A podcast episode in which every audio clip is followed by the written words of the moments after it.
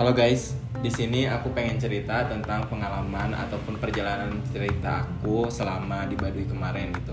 Jadi aku sempat sama teman-teman aku sempat jalan ke Baduy, Baduy luar dan juga Baduy dalam ikutan open trip gitu seharga 200 ribu yang titik kumpulnya itu di stasiun Rangkas Bitung yang ada di Lebak kayak gitu perjalanannya cukup menarik dan sangat menarik sih kalau misalnya kita bisa ngegali lebih dalam gitu.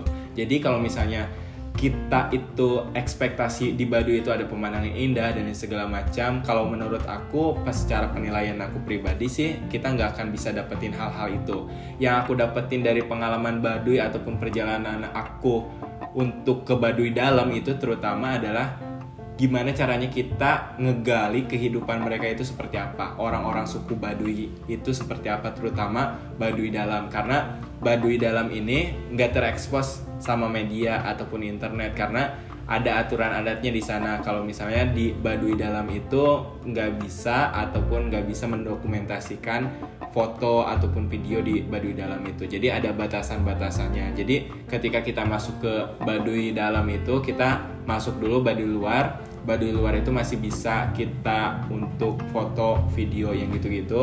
Tapi selama di Baduy dalam itu kita nggak diperbolehkan untuk mendokumentasikan dalam bentuk apa pun baik itu foto ataupun video. Kurang lebih perjalanan aku dan teman-teman aku ke sana ketika dari perjalanan dari stasiun Rangkas Bitung stasiun Rangkas Bitung kita naik elep. Naik elep itu untuk masuk ataupun tiba di kampung untuk mulai kita trekking itu selama dua jam lah. Dan medannya itu wah luar biasa banget keren banget lah. Kita harus siap-siap sedia lah untuk purut itu dalam kondisi aman karena wah kayak goncangan di mana-mana di setiap perjalanan itu ketika naik elok tuh.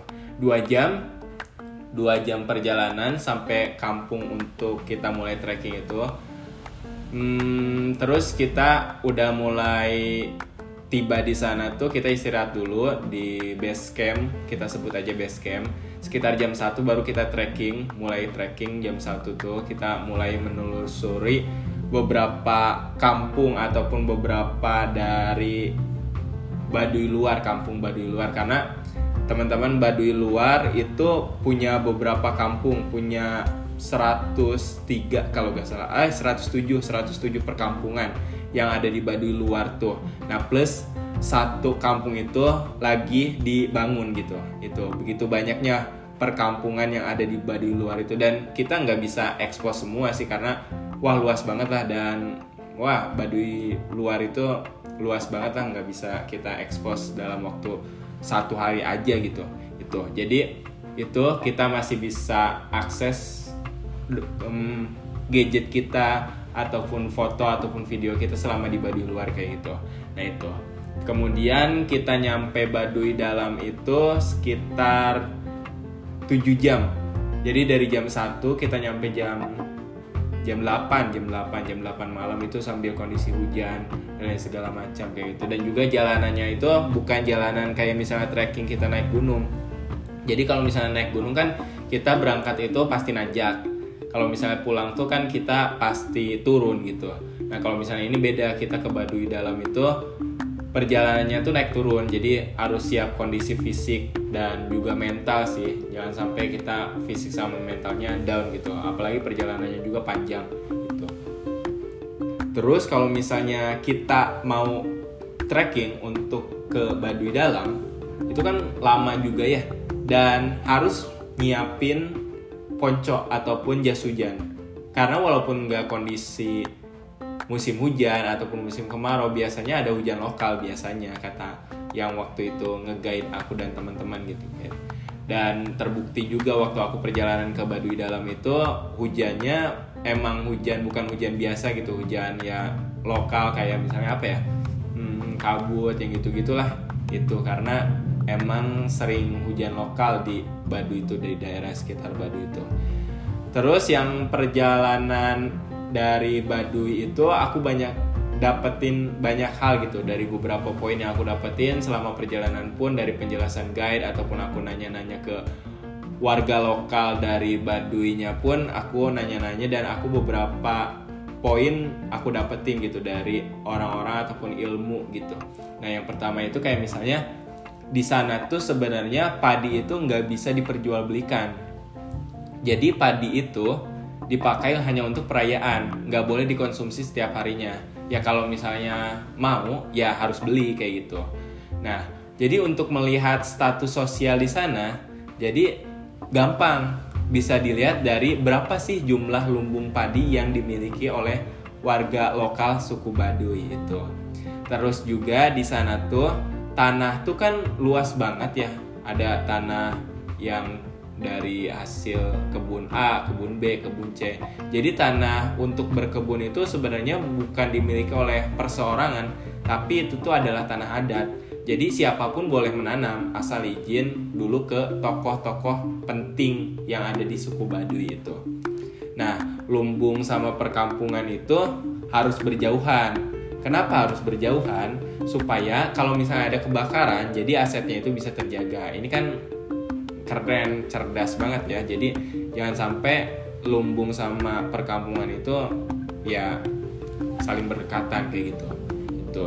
Kemudian warga suku Baduy itu nggak boleh ngopi. Eh bukan nggak boleh ngopi, boleh ngopi, tapi nggak boleh nanam kopi. Jadi gimana cara mereka ngopi?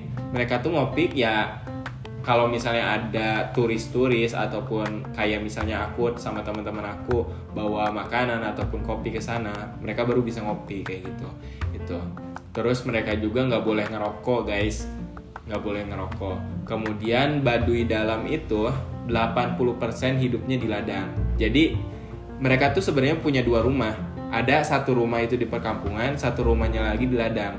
Dan jangan salah guys, perkampungan sama ladang ini sangat jauh sekali kayak gitu. Jadi makanya mereka bikin rumah di ladang ya karena itu. Karena jauh gitu. Ladang mereka tuh dan juga ladang mereka ataupun mereka berkebun itu nomaden itu. Terus yang aku dapetin di sana itu oh iya kepala suku itu disebutnya puun. Puun. Puun ini tuh harus mempunyai batin yang kuat. Jadi kalau misalnya ada pelanggaran kayak misalnya aku diceritain sama guide aku waktu itu kalau misalnya ada pelanggaran apa gitu. Jadi pun itu pasti punya insting yang kuat gitu. Itu jadi kalau misalnya ada pelanggaran itu suka terjadi apa gitu sesuatu yang tidak diinginkan kayak gitu. Biasanya juga puun ini biasanya selain dipilih karena batinnya yang kuat biasanya itu dari keturunan juga biasanya kayak gitu. Nah terus di Puun juga di bawahnya ada tokoh-tokoh adat. Tokoh-tokoh adat pun batinnya pun harus kuat. Terus juga tadi kan aku sebutin pernah aku mention Baduy luar itu ada 107 perkampungan plus satu yang lagi dibangun pada saat sekarang kayak gitu sedangkan Baduy dalam itu hanya diperbolehkan tiga kampung itu jadi boleh banyak di setiap kampungnya tapi cukup tiga karena itu aturan adatnya terus juga Baduy Baduy itu kan kalau misalnya aku baca-baca di internet ataupun kalian sering searching lah terkait Baduy Baduy itu kan merupakan beberapa referensi orang-orang Baduy itu merupakan orang-orang pelarian dari kerajaan Pajajaran. Karena ketika dikuasai oleh Islam orang-orang Baduy itu katanya nggak mau masuk Islam kayak gitu. Tapi ya aku waktu itu nanya ketika ngobrol-ngobrol pas malam-malam sama warga lokal Baduynya dan, dan juga guide-nya mereka tuh mengklaim bahwasanya orang-orang Baduy itu nggak lari ataupun bukan merupakan orang-orang pelarian dari kerajaan Pajajaran tapi mereka itu adalah warga Sunda pertama kayak gitu. Warga lokal Sunda pertama yang makanya mereka tuh menganut kepercayaan Sunda Wiwitan itu terus seni-seni yang ada di sana kayak misalnya alat musik alat musik itu kayak misalnya angklung kecapi kerindi terus. Nah aku lihat sih tapi gak tahu ya kalau misalnya pendapat yang lain gitu. Aku lihat dan menganalisis dari pengalaman aku ketika aku banyak nanya ketika aku ngobrol gitu tanya-tanya ke orang-orang lokal yang warga Baduynya. Jadi menurut aku orang-orang Baduy itu nggak banyak bicara kalau misalnya nggak ditanya gitu. Jadi mereka tuh bicara ya bicara seperlunya aja itu dan kalau misalnya bicara ya ketika ditanya aja. Dan juga mereka tuh hmm, ketika aku nanya misalnya kenapa sih bajunya harus putih? Kenapa sih harus bajunya harus hitam? Jadi mereka ya sesuai dengan nenek moyang aja. Padahal ketika aku baca di beberapa referensi itu baju itu menunjukkan kesucian baju putih tuh baju putih itu menunjukkan kesucian dan lain segala macam kayak gitu. Menurut aku karena emang keterbatasan informasi sih karena kan informasi yang mereka bisa akses itu adalah dari mulut ke mulut. Sedangkan kita bisa informasi itu zaman sekarang udah bisa terarsip. Mereka yang aku lihat masih keterbatasan informasi karena lewat mulut ke mulut sehingga ya bisa menyebabkan hilangnya informasi itu pada suatu saat nanti kayak gitu. Terus juga hmm, halaman rumah pun itu nggak boleh dimasuki guys. Jadi waktu itu ketika aku mau masuk keliling-keliling pas di alun-alun jadi di di sana tuh ada alun-alun ya alun-alun di Badu itu. Jadi ketika aku sama teman-teman tuh mau masuk ke halaman rumah pun ada batasnya gitu dan juga ada yang ngasih tahu kalau misalnya ke situ tuh nggak boleh itu nah kemudian pun itu cuma bisa ditemuin kalau misalnya ada keperluan darurat dan selanjutnya anak-anak Baduy itu nggak sekolah guys. Jadi mereka tuh belajar itu katanya ketika aku nanya tuh mereka tuh belajar baca terutama ya. Belajar baca itu dari bungkusan-bungkusan ataupun bingkisan-bingkisan snack yang dibawa oleh kita gitu. Orang-orang yang wisata ke Baduy gitu. Jadi mereka belajar baca di situ gitu. Terus kalau misalnya uh, adanya terjadi pelanggaran, maka akan dipenjara 40 hari di Baduy luar atau tugasnya itu bantu-bantu tokoh adat kayak gitu. Nah, kemudian anak perempuan itu dan laki-laki nggak boleh main bareng. Terus rumah-rumah orang-orang Baduy itu atapnya itu pakai daun kering gitu loh, itu. Terus yang pakai bawahan biru itu bukan orang Baduy dalam guys, tapi mereka tuh orang Baduy luar. Lalu mereka tuh masih butuh uang loh masih butuh uang. Kayak gitu untuk ya belanja beli kebutuhan A B C D. Maka ada beberapa yang aku lihat sumber-sumber penghasilan orang-orang Baduy itu yang pertama itu dari porter. Jadi ketika kita misalnya ada yang wisata ke Baduy jadi ada yang ngeguidein sama orang-orang lokal Baduy. Jadi mereka juga menawarkan jasa mereka untuk porter bawain barang-barang kita terutama tas, carrier dan segala macam. Jadi di situ. Jadi waktu itu kebanyakan teman-teman cewek aku ya terutama teman-teman cewek aku ngeporterin juga gitu. Bahkan yang porternya juga bukan orang-orang dewasa kebanyakan anak-anak kecil, anak-anak kecil seusia 5 tahun gitu, 7 tahun gitu. Anak-anak kecil banget kayak gitu.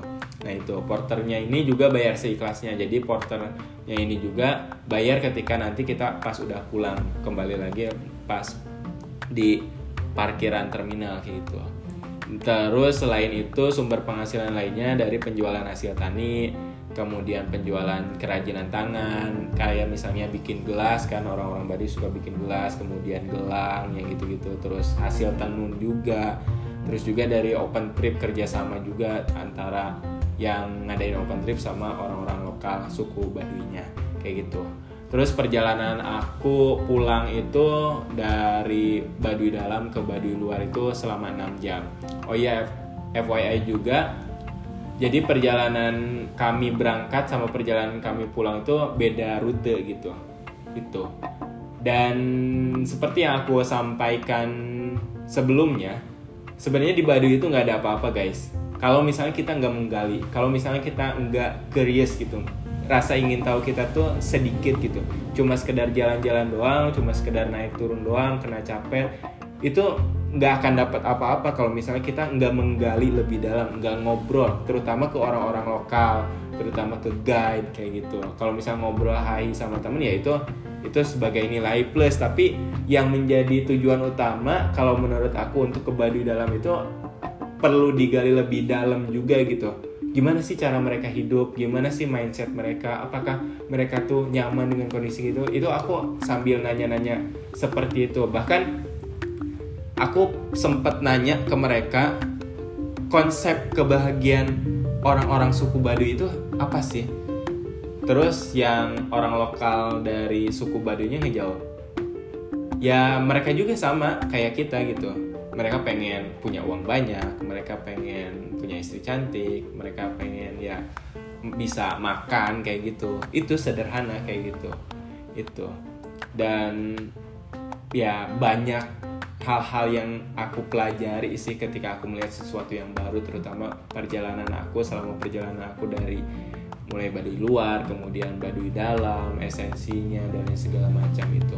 Keren banget sih kalau menurut aku perjalanan aku dan teman-teman itu ke Baduy dalam itu. Ini menjadi pengalaman pertama juga gitu melihat suku ataupun kampung adat yang benar-benar masih lestari gitu. Dan FYI juga. Jadi kalau kita di Baduy dalam itu pertama kan kita nggak boleh dokumentasi itu dalam bentuk foto dan video. Kita juga nggak boleh pakai mandi. Kayak misalnya mandi nggak boleh pakai sabun ataupun sampo ataupun pakai pasta gigi nggak boleh. Jadi jangan yaitu aturan dibuat supaya tidak tercemari lah sungainya sama bahan-bahan kimia. Gitu. Oke cukup sekian. Terima kasih. Alsiaran